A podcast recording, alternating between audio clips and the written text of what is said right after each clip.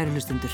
Matur er fyrir öllu og í dag leifum við listrætni tjáningu að njóta sín og gerum kröfur til matarins að hann sé í senn spennandi fyrir augað og bræðlaukuna og styrki og bæti heilsuna. Matgæðingar þáttarins heita Unnur Guðrún Pálsdóttir og Erna Sveristóttir.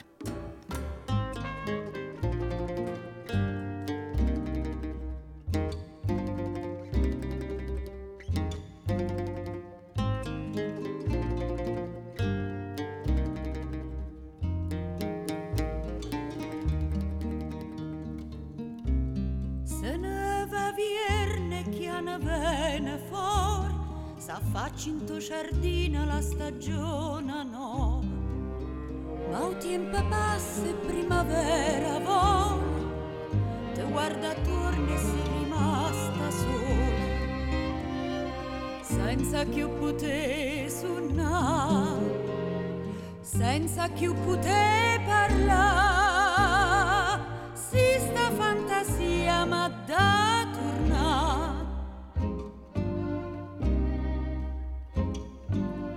Sista fantasia ma da torna Sta canzone già canta Sta canzone già canta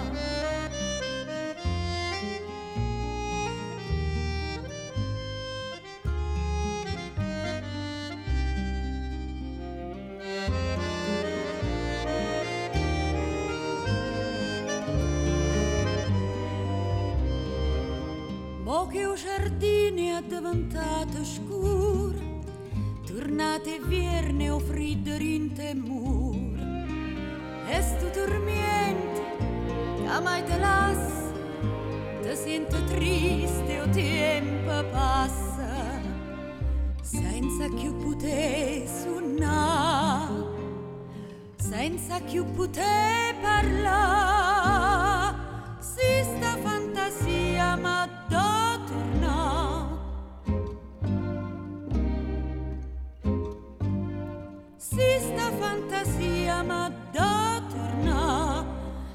Canzone già canta,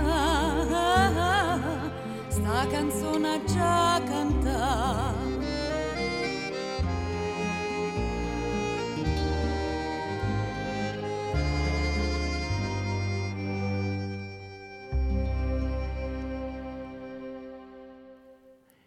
Rinaldo Asti var á heimleið eftir vissan erindirekstur í Bologna. Hann hafði þegar farið um Ferrara og var á leið til Verona þegar hann reið fram á þrjá menn sem litu út fyrir að vera kaupmenn en voru rauna ræningar og íllmenni af lagstu sort. Þeir tók upp samræður og hann var svo óvarkár að slást í förmiði. Þeir gerðu sig grein fyrir því að hann var í kaupmaður og hefði líklega í föggum sínum ólítinn peningasjóð því ákváðu menn þessir að ræna hann við fyrsta tækifæri. En til að veki ekki grunnsemdir komið þeir fram af hóvarð og virðingu, letu talið snúast um heiðarleika og réttsíni og síndónum í allan máta auðmygt og undirgefni. Og hann taldi sér því trúum að hann hefði verið heppin að hitta þá, því hann var einn á ferð á samt einum þjóni hestriðandi. Þeir heldu nú leið sinna áfram, hitt og þetta bara á góma eins og gengur, uns talið barsta því hvernig fólk byðu til Guðs og einn banditanna snýri sér að Rinaldo og sagði Hvað um þig, herra? Hvaða bænir ferðu með þegar þú ert í förum? Þessu svaraði Rinaldo svo Ef satt skal segja er ég fjarskavenjulegur og óheflaður maður og kann ekki margar bænir eins og gamlir menn sem vil ekki sjá lengra nefi sínu. Ega síður þá er það vani minn á mornana þegar ég kveði kranni að fara með fadir vor og marjubæn fyrir sálum föður heilags Júliusar og móður. Og því næst byrð ég Guð og dýrlingin að gefa mér gott húsaskjól þá næstu nótt. Margan daginn hef ég á ferðum mínum búið við mikla háska, en ætið hef ég sloppið frá þeim og komist að kvöldi í tryggan stað og fengið gott atlæti. Því trú ég fastlega að þessari gæfu hafi heilagur Július aflað mér hjá Guði. Þá saði maðurinn sem hefði spurt hann, fóruð ég með bænin í morgun? Og Rínaldó svaraði, víst gerði ég það. Maðurinn sem vissi hvernig hlutirnir myndu að ekslast, sagði þá við sjálfan sig, ekki veiti þeir af, því ég ætli þú fáir heldur ónótalega gistingu ef allt vindur fram sem horfir. Og þannig heldu þeir áfram felsinni, talandum hitt og þetta og ætið voru mennitni þrýra býð eftir heppilegum stað og tíma fyrir ílgerði sínar. Degi tók mjög að halla. Það komið þeirra fáförulu og vel skildu vaði á móti virkisborg og ræningarnir þrýr neittu þess hver mjög var áliði dags þeir réðust á hann og rænda hann öllu sem hann átti, líka hestinum. Áður en þið heldu burt snýru þeir sér aðunum þar sem hann stóð á skirtunni og kölluðu til hans. Farðu og vittu hvort samt í Július gefið þeir jafn góða gistingu og dýrlingurinn okkar gefur okkur. Þeir riðu yfir ána og þeistu burt. Svo auðmur var þjóttn Rínaldó að hann reyfði hvorki höndni fót þegar húsbóndi hans var endur en snýri burt hestunum og fór á brokki. Rónaldó stóð eftir berfættur á skirtunni einni og vissi ekkert í sinn haus því veðri var kallt, það fendi sífelt allan tíman og það dimdi stöðugt meir.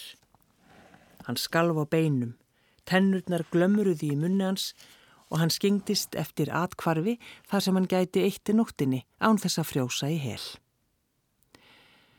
Hann átti rúma mílu eftir ófarna þegar nóttin skall skindilega á og loks þegar hann kom á leiðarenda í kastalan okkur var svo framorðið að hliðin voru lokuð. Vindubrýrnar höfðu verið dregnar upp og honum var aðgangur lokaður. Vesæll og ángistafullur litaðast hann um með tárin í augunum til að vita hvort þarna væri ekki neitt skíle sem geti skildónum í snjókomunni og þá kom hann auga á hús uppa á borgamúrunum sem skagaði dálitið út og hann ákvað að leita skjóls undir því þanga til byrti. Þegar þangað kom fann hann dyr undir hísinu og þó hurðin var í læst hrúaði hann saman stráum sem lágu þar stutt frá og kom sér fyrir undir henni. Hann var aldeilis úrvinda, ákallaði reglubundið heilagan Júliusum hjálp og sagði að þetta væri sér lítil umbun fyrir alla fórnalundina. Heilagur Július hafði ekki mist sjónar á honum og áður en leið mjög á löngu hafði hann búið Rínaldó þægilegan samastað. Það var þarna í kastalanum ekja, feguri að vakstalagi en nokkur önnur hér í heimi sem Assó Markgreifi elskaði út af lífinu og hún bjóð þarna á hans vegum, einmitt í því sama húsi þar sem Rínaldó hafi leita skjóls. En svo vildi til að markreifin hefði komið til Kastalans þann hinn sama dag og hugðist eigða nóttinni hjá henni. Hann hafði með leint sendinni orð að efna til ríkulegs kvöldverðar og vildi taka sér bað í húsi frúarinnar áður. Allt var til reyðu, hún beigða aðeins þess að markreifin byrtist. En þá bar skutulsveina hliðinu og flutti markreifanum bóð um að koma í skyndingu. Svo hann sendi koninni orðum að hans væri ekki von steg síðan á hestbakki flíti og reyða brott. Frúin, fjarskalega vonsveikin, vissi ekki hvað hún ætti að taka sér fyrir hendur og ákvað að fá sér bað í lauginni sem var ætlið markgreifanum. Eftir það ætlaði hún að borða og fari hátinn.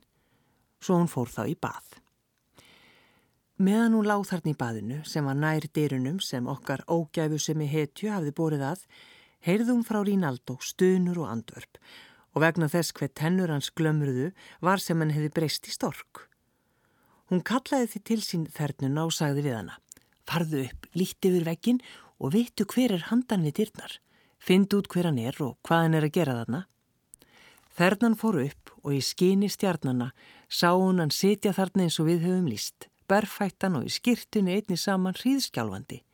Hún spurði hver hann væri og Rínaldó sem skalf svo mikið að hann mátti vart mæla, sagðinni nafn sitt og skýrði stuttlega á hverju og hvernig hann væri þangað komin.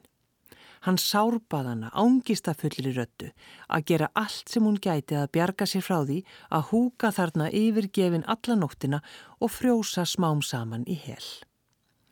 Þernan sá auðmur á honum, skundaði til húsmóður sinnar og sagði henni alla söguna. Frúin fyltist líka vorkun og þá mundu hún eftir að hún hafi likil að þessum sérstöku dyrum sem markgreifi notaði við og við í leinilegum heimsóknum og hún sagði við þernuna farðu á hliftunum inn en hljóðlega. Við höfum hér kvöldverð og engan til að borðan og við getum hæglega hliftunum að gista, nógu plásið. Þernan lofaði hástöfum hjartagesku húsmóður sinnar, svo fór hún og opnaði dyrnar og hleyft honum inn. Frúin sá undir eins að var næri stokk freðin og sagði við hann, fljótt maður góður, stígði í bað, það er enn heitt. Hann hlíti fúslega og leti ekki segja sér það tvissar. Líka með hans endurnærðist við hlíuna og honum fannst sem hann væri að rýsa frá dauðum. Frúin let setja fyrir hann fött sem höfðu tilhert einmann ennar sem var þá nýláttinn og þegar hann fór í þau pössuðu þau fullkomlega. Meðan hann beigð frekari fyrirmæla frá frúni þakkaði hann Guði og heilugum Júliussi fyrir að bjarga sér frá voða næturinnar. Meðan á þessu stóð hafði frúin kvílst en gaf áður fyrirmælum að kveikja mikinn eld í einu herberginu og þangað var hún nú komin og spurði hvað hefði orðið um herramannin. Þessu svaraði fernan svo. Hann er klættur frú og hann er fjarska fríður og verðist kurteis og virðingaverðu maður. Farðu þá, saði konan, kallaði á hann og segði hann um að koma yngaða eldinum og fá kvöldmatt því ég veit hann hefur ekki fengið neitt að borða. Rínaldó sá undir eins að hann gekk til stofu að þar fór mikil kosta kona og hann heilsaði henni af allri þeirri virðingu sem honum var tilbær og þakkaði henni hávirðulega fyrir vinsemtina í sinn garð. Þegar frúin sá hann og heyrði hann tala, vissu hún þegar að þernan hafi rétt að mæla og hún bauð hann hjartanlega velkomin. Fekk honum þægilegan stóla að sitja í sér við hlið fyrir framann eldin og spurði hvað hefði fyrir hann borið. Frúin hafi þegar heyrt hraflaf sögun eftir að þjóðnar Rínaldó kom til Kastalans, hún trúði því fastlega hverja hans orði. Hún skýrði honum aftur á móti frá því sem hún vissi um þjónin og bætti við að hann gæti hæglega haft upp á honum daginn eftir. En nú hafði kvöldverðurinn verið born á borð og Rínaldó þáði bóðinnar þegar hann hafði þvegið hendur sínar með frúnni að setjast og taka til matar síns við hliðinar. Hann var hármaður vexti og geðugur, fríður sínum á miðjumaldri, óaðfinnanlegur í háttsemi og frúin leitt yðurlega til hans augum sem lístu af velþóknun. Þarið hún hafi vænst þess að sofa hjá markgrefunum var gynd hennar þegarvakin og eftir kvöldverðin gekk hún fram og ráðfærði sig við þernuna hvernig henni litist að þá hugmynd úr því markgrefin hefði virtana vettugi að notfæra sér þessa óvæntu gjöf fortúnu. Þernan sem vissi mæta vel hvað frúin hafði í huga hvart hann á allalund og fyrir því snýri frúin aftur til Rínaldó sem beigð hennar standandi eitt saman hjá eldinum og tóka doskan til. Hún sagði, hva, Rínaldó, hví eru þér svo vansætla á svipin? Þýðir nokkuð að síta hestimissi og einhver fött sem þér klættust. Slappið af og sínið að þér gleði, þér eru heima hjá yður. Reyndar vil ég ganga svo langt að segja að þegar ég horfi á yður í þessum fötum finnst mér þér vera eiginmaðurinn minn sálugi og í allt kvöld hefur mig langað til að taka yður í faðminn og kissiður. Við þessi orð og þegar hann sá glampan í augum frúarinnar, gekk Rínaldó sem ekki var neitt auðli til hennar með opin faðminn og sagði Frú mín, ég verð yður æti þakklátur fyrir að bjarga mér og þegar ég hugsaði um ógöngurnar sem þið listum þið úr, þá var ég illa til fallið að vera yður ekki að skapi eftir því sem mér er fært. Kissið mig því, faðmið mig að vild ég geldiður allótin með gleði. Þau risu rekju jafnskjótt og rofað af degi, því frúin vildi komast hjá nexli. Þegar hún hafi fært honum nokkra gamla klæðnaði og fyllt pingjans peningum, bentu hún honum á leið til að komast inn í borgina og finna þjónin.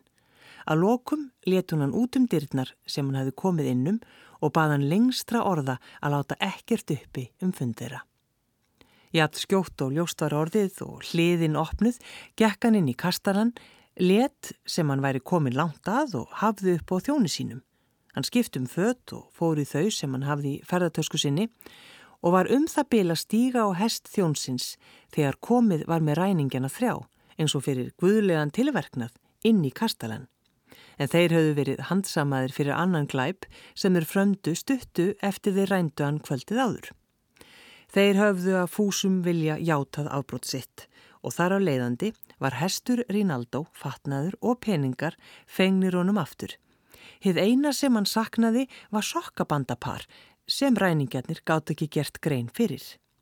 Þannig gatt Rínaldó fært Guði og heilugum Júliussi þakkir, stíð á bak hesti sínum og snúið klakklaust áleiðis heim, en ræningjarnir máttu daginn þann hinn næsta dingla hælum í norðanvindi. Here alone, I'm broken hearted since the day when first we parted. Tears of love for you were started since you left Sorrento, dear. birds and flowers in profusion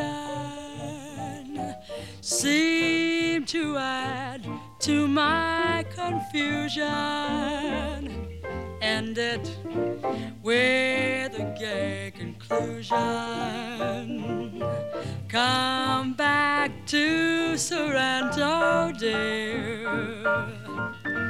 I am trusting and believing that you come back and end my grieving. Love, true love is worth retrieving. It is waiting for you here. Love is waiting here. Sadness goes when you return. To Sorrento and bring me cheer.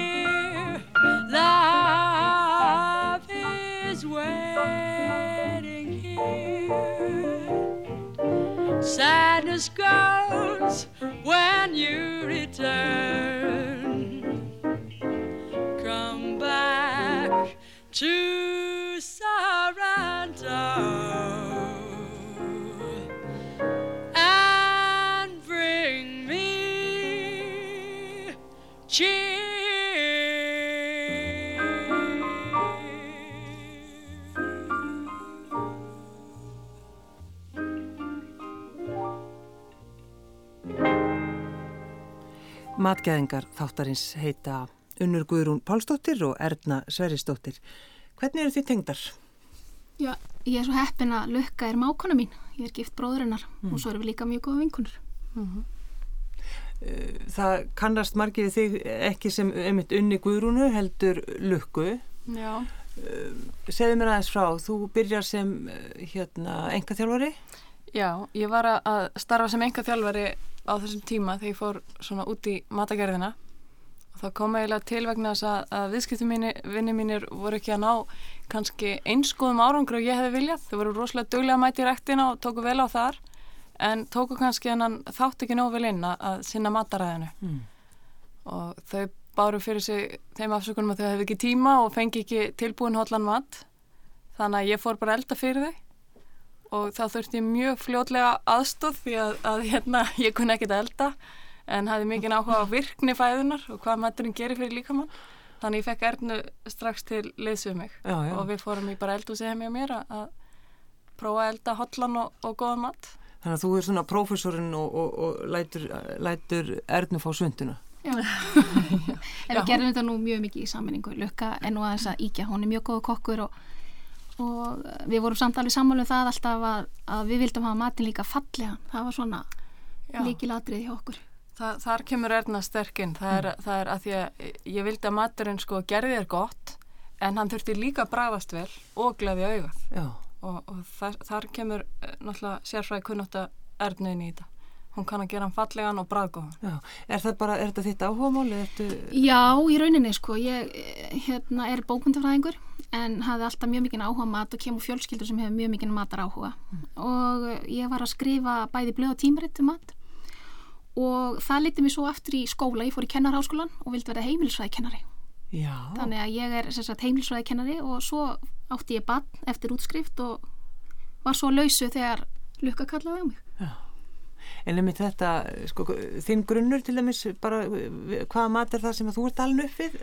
Uh, kannski bara danska eldúsið held ég. Já. Danska, eru- íslenska eldúsið. Það eru mjög margi gestir mínir sem einmitt Já. koma með þennan grunn. Það er svona, var svona biblíur heimi á mér Hennes Verden og Families Furnal og svona Já. og mamma er enn þann dag í dag mjög duglega að koma með nýjar uppskrittir úr þessum norsk og dansku blöðum. Hún hefur nú einmitt unnið aðeins með okkur. Já, Baka reyndar. fyrir okkur. Ég uppafi, já, ég var bakað á stundi fyrir okkur brauð og bollur, það er rétt. Lukka, hvað, svona, hvað var það sem var borðað heima, heimi hjá þér? Óf, mjög svona bara held ég típist íslensk, íslenskt heimili Mm. og ef ég hugsa tilbaka þá er það eh, svo litið fyndi kannski því að, að sá heimilsmatur sem ég er alveg upp við er eitthvað sem ég elda aldrei í dag Nei. en ég sé það samt á fóreldur mínum að þau myndi aldrei heldur elda það í dag Nei. þannig að þau hefa alveg breytt sínum matavennjum Er, ertu þá, hvaða mat þá er það? þá er ég að tala um svona kjötbólur í kálböglum og, og hérna brauð sem er steikt báðmegin með kjötfarsi Já. og þetta þú veist Og og já. ég man ég borðaði það stundum. Mér finnst það æðislega gott en ég myndi örglega ekki elda það mikið í dag. Nei, Ég plata samt mömmu ennþá að bjóða mér í kálbögla. Að því mamma, þú veist, tók bara læri og hún hakkar það sjálf og býr þetta til frá grunni og Það er náttúrulega allt annað. hún með brættu smjöri kálbögla, mér finnst það rosalega gott. að þetta. hefur mamma gert það líka. Ég var ekkert að hugsa um það mikið í þá daga hvaðan ráfni kemur. En ég gerði það í dag. Einmitt líka þegar er upp, ný uppskera af, af káli þá er það náttúrulega indist, getur verið indislegu matur. Yndislegu matur. Já. Mjög gott. En þetta, uh, Lukka, þú, uh, er þetta svona, þetta, er þetta hægt að lýsa þér svolítið vel með þessu að, að, að þínir kunnar kvart yfir því að þeir get ekki fengið almennilega mat og þá hugsa þú, já, ég verð bara að redda þessu fólki og, og Já, hérna auðvitað, fara já. heim og, og búið til matapakka. Já. Já, mér finnst ég alveg geta tekja undir það. Þetta er mjög lýsandi fyrir hana. Hún er mjög drífandi og, og hérna hún fær hugmyndir þá framkamur hún þær. Já, Og það er kannski þess vegna sem happir á því svona eins og það er í dag. Já. Stórt og mikið. þá kannski komið að því hvað, þið byrjið eh, bara í þínu eldúsi, mm Mhm. Lukka er það ekki og, og, og þið fáið ykkar hugmyndir þar Já. bara við eldúsborði. Mm Byrjar í rauninni veitingastæðurinn bara þar? Já, kannski ekki veitingastaður beint en við vorum með hérna, þjónusta, Já, ég bý í Vesturbænum og, og var svo heppin að afi minn, hann var með tannlagnastofu í kjallaranum á, á því húsi. Svo það var saga um atvinnustarfsemi í húsinu. Þannig þú þurftur ekki að segja.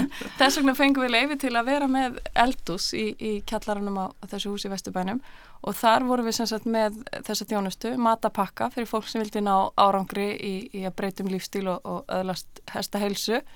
Og við vorum líka með veislu þjónustu og, og hérna bæði fyrir veislu fyrir fyrirtæki og, og einstaklinga og, þjónustum mikið af, af hérna, verkefni fyrir háskólan í Reykjavík. En fljótlega var þetta bara orðið of lítið fyrir okkur og það var svona komið svona, eins og svo ég noti eins og stjórnmálamæður við fundum fyrir mikill í pressu um að opna.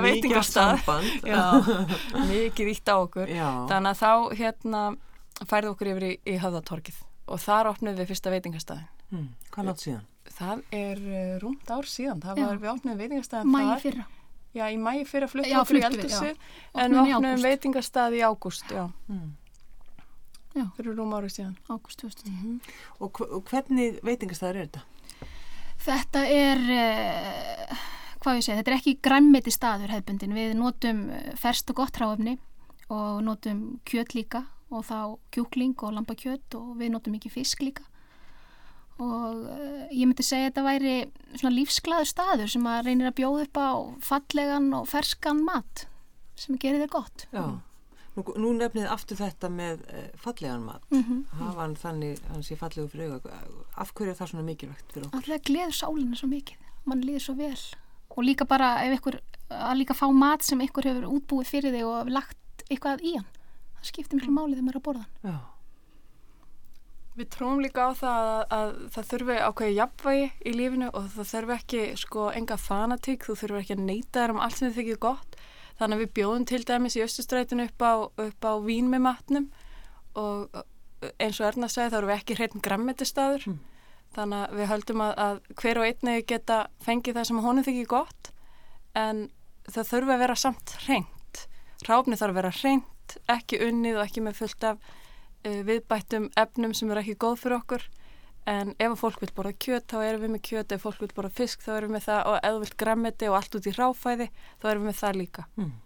Þannig að allt sem er gott fyrir heilsuna, bæði andlega og líkamlega heilsu, það bjóðum við. Og hvar, það lítur nú að vera svolítið mál fyrir ykkur þá að, að fá alla já, allan eitthvað kost. Eru þið að hafa samband við bændur út um all land hvernig er það?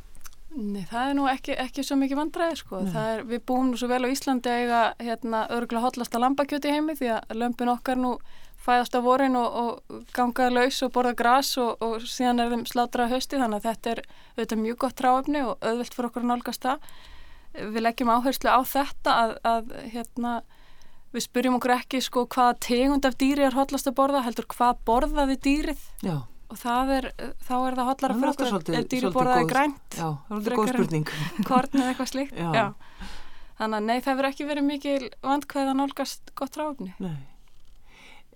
Sko, þessi litla hugmynd ykkar að, að, að hérna, sem byrjar bara í eldúsinu og er orðin þannig að þið eru komið með tvo staði og einn í Luxemburg. Já, við erum með lítið út í, í, í Luxemburg Já, hátegisverða stað þar sem gengur rosalega vel áður en við fyrir með einmitt að, aðeins að- að fjallum þann stað, hvað, sko, hvaðan fáið orkuna til þess að gera þetta alls saman? Úr öllum sem góða mat það sjálfsög Þannig að þið fáið bara, þið látið bara, hérna, fáið hugmynd og, og framkvæmið. Já, Mm. það er ekkert annað að gera Nei, það, lukku finnst það. Ég var alveg fullt í fangi með að Ge- eldana sko. Getur hún svolítið verið kröfaður? Njá, nei, nei, hún Jú, stund, stundum þú finnst manni kannski, nei, kannski finnst manni stundum hugmyndindar svolítið fjarlægar, en hérna, svo, svo, kem, svo hérna í lokin þá gengur þetta yllt alltaf upp sko. Já. Rífist þið? Nei, Nei, ég held að við erum bara ekki gert það við rýfumst nú ekki mikið. Hún kannski einu sinni rýfist. Er það? Ég held að það var út af ruslapoka, það var ekki verkilega það. Það var ekkert einhverju uppskrift. Nei, nei, það var ekki uppskrift. Nei. Nei, nei Lukku finnst í stundum svolítið óhóll.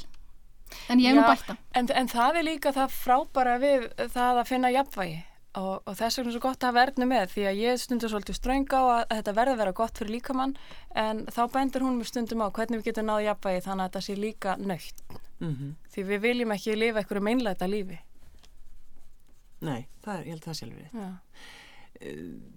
Það eru komin tveir staðir semst hérna og svo í Luxemburg eins og Já. nefnduð. Eh, Hvað kom til að, að það var opnaði staði Af það? opnum í Luxemburg. Já. Um, ég eh, fljótlega þegar við byrjuðum á, á stýrimannsstygnum í, í Vesturbænum með litla eldúsið að þá eignast ég fljótlega einn uh, viðskiptvinn sem heitir Anna-Lísa Sigur Jónsdóttir og hún var mjög trú og, og dyggur viðskiptvinni hjá okkur og hún fór fljótlega að spyrja mig um uppskriftir og hérna ég let henni þær í tíu og hún fór að prófa sér áfram og það þróist eiginlega þannig að Anna-Lísa þegar hún flutti til Luxemburgar þá langaði hana til að finna sér eitthvað að gera og hún opnaði þar lítið útibú. Og Luxemburg var eiginlega bara fyrir valinu vegna þess að það átti trausta mannesku og fólk er held ég alveg grunnurinn að því að, að rekstur getur gengið vel. Og þess vegna var Luxemburg ekki valið með, eitthvað, eitthvað markarsrannsóknir í huga þeir var eitthvað tilbúinir í þetta heldur bara því þar verið með mannesku sem ég treysti fyrir reksturinn. Og það var í rauninni kannski rétt val Luxemburg því að staðurum var valinn besti græmdistæðurinn það ekki? Já, það hefur gengið ótrúlega vel í? Luxemburg, það er vel að stað og, og þau voru bara búin að hafa staðinn opinn í sex mánuði þegar þau fengu verðlaun og voru valin, það voru sérst gefin verðlaun í tólf flokkum fyrir bestu veitingahúsin í, í Luxemburg og þau fengu verðlaun fyrir að vera besti eh, svona lífræni og græmetis staðurinn. En hvernig er það? Ferðu þangað til þess að fylgjast með og sjá að allt, allt sé, sé fínt og gott? Já, og allt, já. það sé rétt í pótunum? Já, já, ég, ég kiki til vera svona kannski uh, á tvekja mánuða fresti, eitthvað svo leiðis. En það er nú kannski ekki til að kíkja hvort það er rétt í pottunum, heldur bara hérna, gaman að taka þátt í þessu og ég leysi kannski af ef kokkurinn það er fyrir frí eða eitthvað slíkt. Og það er bara gott fyrir okkur líka að hafa samræmi á milli staðana. Ég læri eitthvað að þeim og þau læri eitthvað að mér og það er bara annað- í alla staði. Já, er annað andrumsloft inn á þessum veitingastað en hér heima? Nei, það er merkilega líkt og svolítið gaman einmitt að, að finna það. að það er svona ákveðin svona happ stemning sem við viljum, það er, það er partur af svona hugmyndafræðinu og bakvið happ, það er að hafa gaman það er holdt fyrir helsuna líka basískar tilfinningar, hlátur og gleði og samkend og svo framvegis En einmitt þetta sko að, opna alla þessa veitingastæði og þá hvað, sittið þið saman á eldurs, við eldursporðið og segið nú verðum við að gefa út bók? Eða hvernig, hvernig, kom, hvernig kom þetta til? Já, þetta var eiginlega bara press, aftur- utan að komandi Ég, pressa. ég segi það, það er aftur, Aftur, fólk það er- Já, já. ha, okay. Það er svo gaman þegar viðskiptavinninni koma með nýjar hugmyndir til okkar.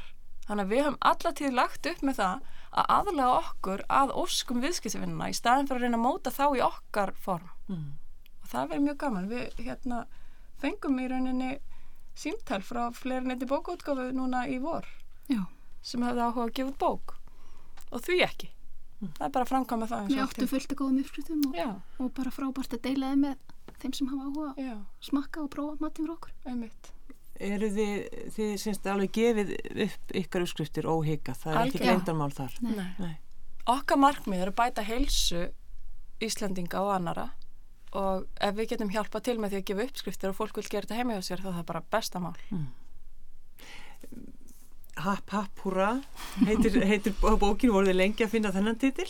Nei, þetta kom, þetta er hugmynd frá honum Albert, vinn okkar sem að, hérna, er að vinna bókina með okkur. Og hann útskýrði það þannig og, og ég hjartanlega sammálunum að, að þetta ætti að vera svona hérna, fögnuður. Fögnuður heilsusamleira rétta í bók og þess vegna happ happ húra Já. En hvernig bók er þetta? Þetta er sem sagt bók sem að voru við búin að, myndi ég hvort við búin að ræða áður en hérna, þetta byggir á pókunum okkar svo kallu, þar sem að, sem að hérna, fólk getur keift skamt yfir allan daginn og þarna er uppskriftir af söfum og, og hérna, morgumat, hádeisverðum, kvöldverðum, bitum milli mála og snarli og eftirréttum. Mm. Fólk getur hugsað þetta þannig, ég ætla að búa mér til minn eigin póka eða bara hlaupið í hvaða uppskrift sem er eða vantar eitthvað í kvöldmatinn eða hátíðisverðin eða hvernig sem það er. Já. Eh, Hvað er í hérna pókanum biti milli mála? Það er svona eftir uh, milli hátíðisverðar og mm. eftir hátíðisverð og fyrir snarlið. það er svona klukkan þrjú. Það eiga allir einhvern veikan blett yfir daginn. Já. Það er svo merkilegt. Sumi borða svakalega góðan morgunverð og fínan hátegisverð, gleyma sér svo alveg fram að kvöldmatt, koma svo heim kannski vinnunni eins og hungraðar úlvar og borða halvan kekspakka og eitthvað dótar í á meðan þau eru að elda kvöldmatinn. Þannig að að okkur fannst sko verða að vera ekkur biti sem að er hann um þrjú fjöguleitið þannig að fólk sé ekki með blóðsíkurinn alveg í botni þegar kemur að kvöldmatt. Mm. Þannig að biti mitt um máli er mjög mikilvæg. Mjög mikilvægur og hvað, hvað, hvað er þið með í þessu? Hvaða hugmyndir er þið með? Við erum bæði með eitthvað svona smá sætt, svona múfur og svo leiðis og svo erum við líka með grammiti og allskins góðar og hérna gyrnilega sósur og uh, þetta er svona, við reynum að gera henn að bita svolítið svona gyrnilegan, svona eins og þetta sé bara fín máltíð. Mm. Þegar ég ræð það eru græmitistönglar, þegar hún ræður það er múfa. Nei, ég er svolítið fyrir djúsi sósur, þannig Já, að það fæ ég hérna Alveg, útrás fyrir það. Mm. Erna horfir á lukku, setja gulrötunar alveg, ætlaru aldrei að hætta En ég gef henni séns eða það eru fallega skornar. En það, allar þessar uppskriftir, sko, þessi bók er náttúrulega uh, stór og vegleg bók, sko, hvaðan, hvaðan hafið fengið allar þessar uppskriftir? Hérðan það. Já, Og- sumar hafa bara orðið til í eld, happ eldúsinu bara annarkort að mér eða lukku eða einhverjum sem hefur unni hjá okkur eða síðan hefur við bara orðið fyrir áhrifum frá öðrum kokkum, öðrum græmitiskokkum og, og öðrum bókum og þetta er bara svona, já afrakstur Mm. áhuga og elju, Já. Suma verða til bara fyrir tilviljun Jú, þegar jú. það vantar eitthvað ráefni og annað er notað í staðin og, og svo framveg svo kemur það bara ótrúlega vel út og Það er náttúrulega bara sko í bara matarsögunni, þá Já. er einmitt er sko bestu margar, já, margar mjög Og- góður þannig. margar frægur uppskriftir verða þannig til Já, akkurat.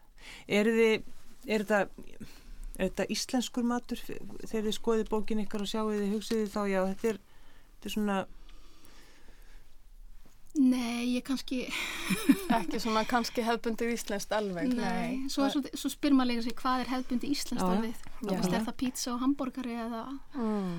eða er það ennþá bara gamli góði mömmumaturinn en hérna þetta er allan ekki ég held að við getum ekki sagt neitt svona ákveðin merki með á matin okkar þannig Nei, og við reynum auðvitað að bæta inn í líka við notum rannsóknir. Við byggjum daldið hérna, bókina og, og allt sem við gerum á rannsóknum, faraldsfæði rannsóknum og tilruna rannsóknum á tengslu mataræðis og sjúkdóma eða mataræðis og heilbreyðis.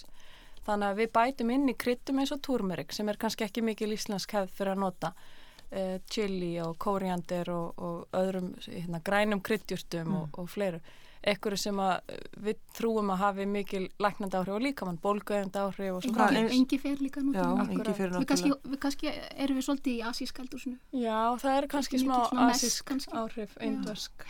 En að því hún nefnir turmerik, hvað, hvað gerir það fyrir líkamann? Turmerik er, er bara mjög læknandi jurt og hefur bólgueðandi áhrif sem eru mjög mikilvæg áhrif í dag því að, að það sem er orðið ofgnótt af í fæðun okkar í dag það eru hérna, efni sem hafa bólgu áhrif í líkamannum og svona krónískar litlar bólgur eru í rauninni sjúkdómsvænt ástand í líkamannum og flestir svona nútíma sjúkdómar eins og hjarta og æða sjúkdómar, krabbaminn, liðagikt og, og fleira, háþristingur og annað, eru tengt bólgu ástandi í líkamannum. Þannig að með því að vinna gegn bólgu ástandi þá erum við að setja líkamann í heilbreðara ástand. Fá við síður þessa langvinnu lífstílsjúkdóma. En þetta er svolítið skemmtilegt með því lukka að þú er mitt með þetta skoðandi rannsóknir og, og allt þetta, ekkert svona romantíst við þetta, en samt þegar maður sko skoðar bókina þína ykkar, þá er hún bara einmitt, bara romantísk, spennandi, bara áhugaverð og ekkert sem að, þú veist, mann er dettur ekki, ó þetta er enn einn svona eitthvað heilsubókin og þú átt að borða þetta og þetta. Heldur, þetta er, þetta virðist hafa lukkast hjá ykkur. Það er þetta, það er þetta jafnvægi.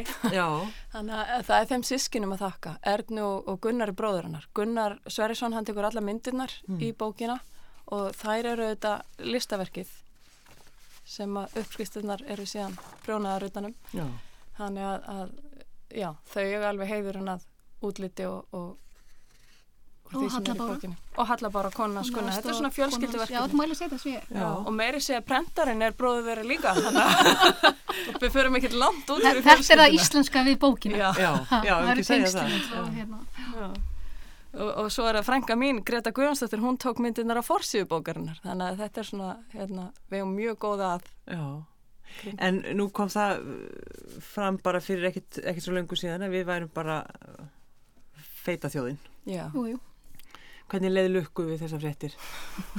Hún er nú búin að vera að tala um þetta í mörg ár, þannig að svona hafi verið alveg viðbúin. Já, þetta komin kannski ekkit sérstaklega Nei, óvart. ekkert sérstaklega óvart. Mm. samt ekki skemmtilegt Nei. ha. Nei, Akkur erum við ekki að gera eitthvað í þessu? Ég bara spyr Hvað er að okkur? Við, við getum ekki svarað þessu.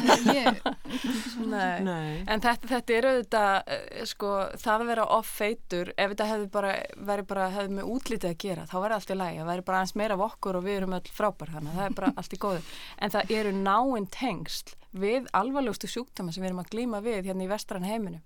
Þannig að það er mér ráðgáta af hverju fólk fer með börnin sín í, í, á namibarinn á laugatum, af hverju farið ekki í ávægstabarinn og leifið þeim að, að kaupa öll þau ber sem þau vilja Mm. ég meina, það er dýrara, reyndar, en ef við förum á namibarinn þá borgum við bara á annan veg með heilsu barnan okkar Já, og viljum við það frekar. það er, það er svolítið, rauninni, svolítið sérstakt einmitt þegar maður lappa framhjá að maður fer í er og á lögadegi og, og það er eiginlega rauninni svolítið, manni bregður yfirleitt þegar maður er ótrúleg framhjá. Það er mjög, mjög sérstakt og maður, ég hugsa stundum hvað ætli útlendingar hugsi sem er að vestla og sjá bæði fullaði fólk og, og börn rótandi í salgetinu þannig að það er svona, Þetta er mér alveg óskilna. Mér við- eiginlega samt líka sorglegra ef maður er á ferðinni um kvöld, á lögataskvöld í Hakup eða þess að markaði sem er að selja þetta á 50% afslætti það er hérna þegar allir eru farnir og salgetið og pókarnir leikja á gólfinu já er mjög þú þá að fara Þá er ég, nei þá fyrir ég að kaupa hnetur nei, nei, nei, nei, nú kom hún aldeilis upp um sig hún erna lukka þar að tala Já. við hana eftir, eftir þáttin En ég bara skora á einhverja af þessum búðum, gerið þið, hérna, veitið 50% afslátt að berjum Mhm. á lögutum. Prófið það, já. því ekki. Ég, veit til dæmis að krakkar eru sefin af, af hindberjum og Já. alls konar svona spennandi berjum, blæjuberjum og Vistu, ef þú skerðið mango og ber og setur þetta í skál fyrir börn, þeim þykir þetta ekkert verra heldur en hlaup og lakrís. Nei, sérstaklega ef þú bæti kannski við dökku súkulega. Nákvæmlega. Svo líður þeim svo vel eftir þetta að þau sækja meiri þetta heldur en salgetið. En er þetta ekki samt einhver vonlega sparátt að erum við ekki bara að reyna að vera eitthvað svona bjart sínar? Er þetta ekki Já, eitthvað sem er bara, Já, viljum við það, viljum við bara gefast upp. Er okkur alveg sama þó að krabbmestíðinni hér sé að aukast, við, erum, við, erum, við búum við það á Íslandi að krabbmestíðinni er hæst í heimi hmm, á Íslandi ásamt auðvitað fleiri löndum eins og Bandaríkjanum og Ástralíu. en við erum akkurat í hjarta svona rauða svæðisins þar sem krabbmeinstíðin er hæst í heimi. Það er okkar val. Það talið að, að ástæður eða sem sagt orsakir krabbamenna sem 35% bara mataræði og ég tala ekki um háþrýsting og sykursíki 2 þar sem að mataræði er bara orsökin.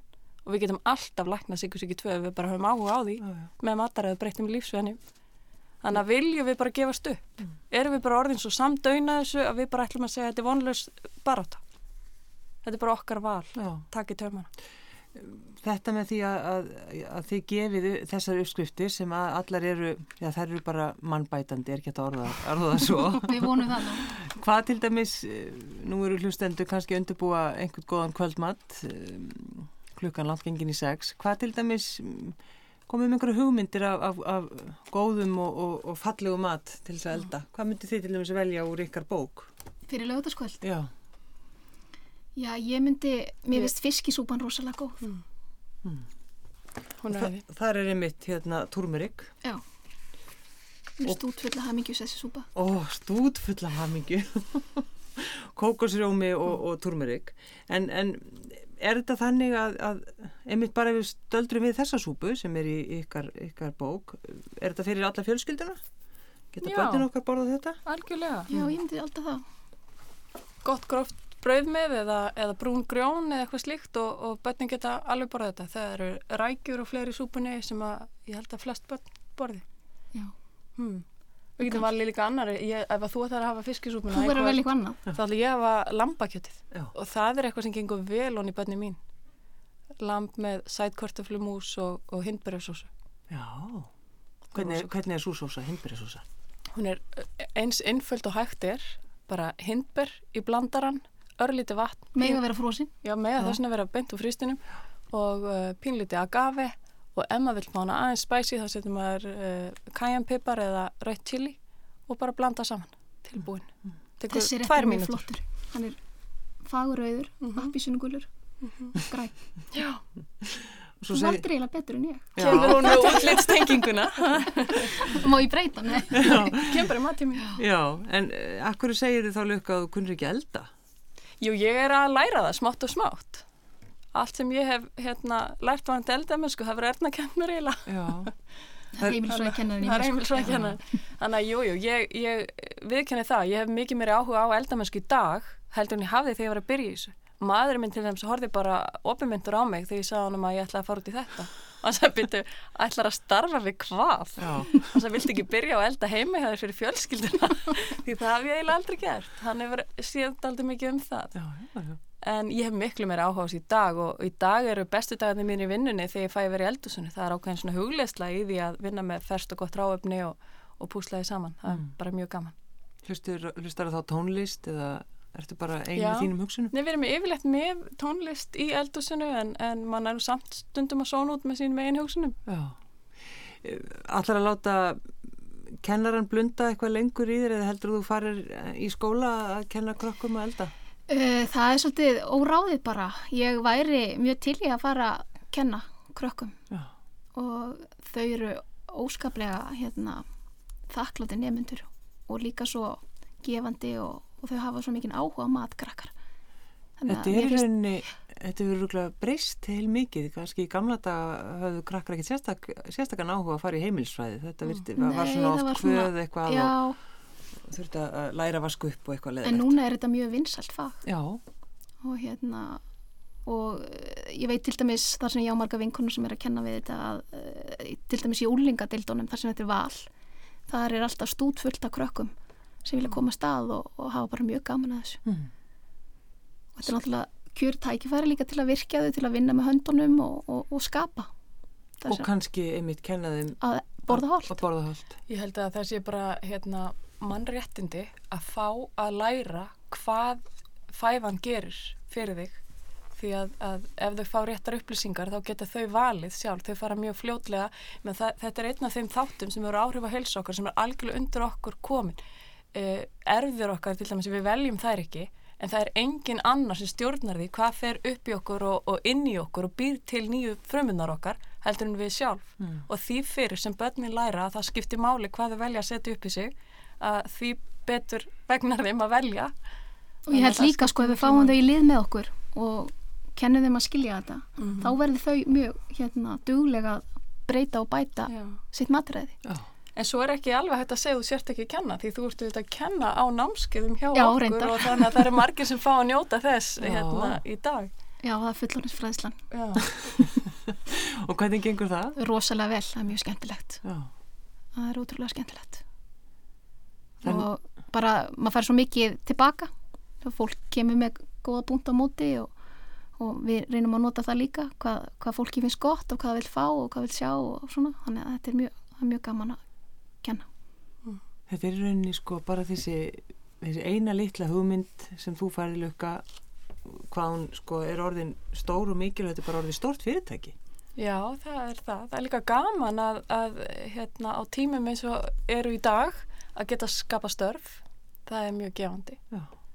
Þannig að ég held einhvern veginn að við ættum að endurvekja þá tilfinningu dálítið í, í viðskiptum á Íslandi að, að vera stoltur að því að skapa störf og greiða laun en ekki bara hugsa um heina hliðina að, að reyna að greiða pening eða eitthvað þannig. Ég held að skipta tölverið máli í dag að, að leggja eitthvað að mörgum þar. Að lókum uppáhaldsmaturinn þinnarna. Vá, þetta er hræðilega Ég erfið veit að spurning þetta er mjög erfið spurning en hún er anstíkileg. ég, ég er voðalega, ég verði eiginlega bara að segja ítalsku matur Já. ég get ekki nei, ég get ekki tekið eitthvað eitt þetta er, þetta er eins og umdi spyrja mig hérna, ef ég ætti mörg börn. Já. hvað barn elskar mest. Hvað með því lukka? Já, ég einhvern veginn í dag þá hérna að því að ég er svo mikið á hlaupum að uppáhaldi mitt í dag eru drikkir svona hérna grænir eh, drikkir beint úr blandaranum það sem að færa svona dundur orku beint í æð. Það er svona uppáhaldi mitt í dag. Annars hef ég alltaf verið hrifin af svona austurlensku mat Sér, hún segir græni drikki fyrir hotlistan og ég fór, strax sá ég fyrir mig fullan diska pasta. Já, ég myndi kannski ekki vilja það í, í öll mál en, en þeir halda, halda mig gangandi í dag og alltaf hægt að grípa til þeirra. Það er gott. Þá heldur líka áfram að fá góðar hugmyndir fyrir okkur til- Já, sem, sem að, betur fer. Já, sem betur fyrir til þess að bæta, bæta heilsuna. Unnur Guðrún Pálsdóttir og Erna Sværisdóttir, takk kærlega fyrir komuna. Takk fyrir að fá Takk sem leðis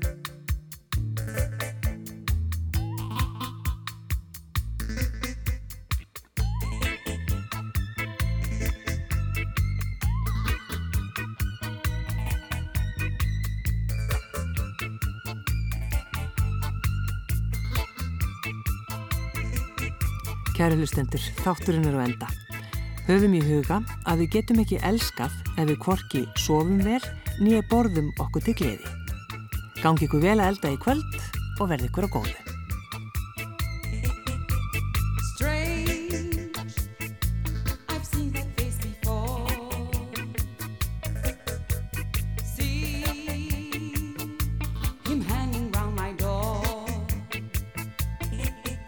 I've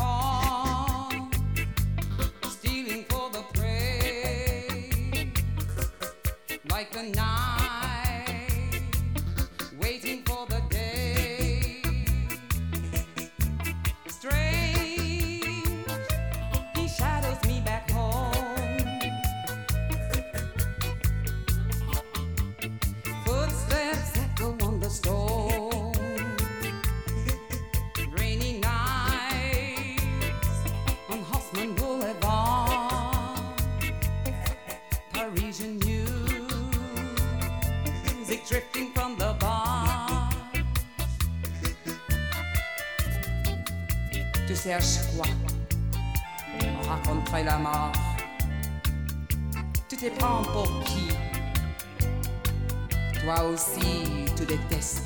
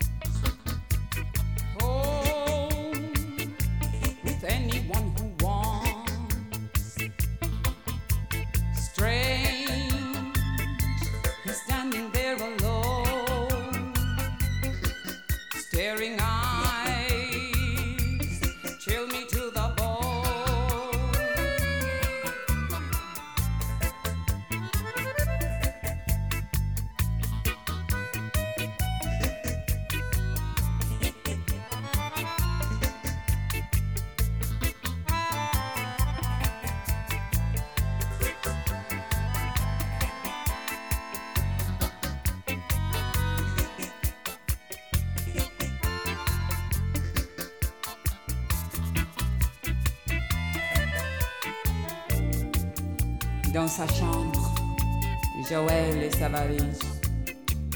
On regarde sur ses fringues, sur les murs des photos, sans regret, sans mélo. La porte est claquée. Joël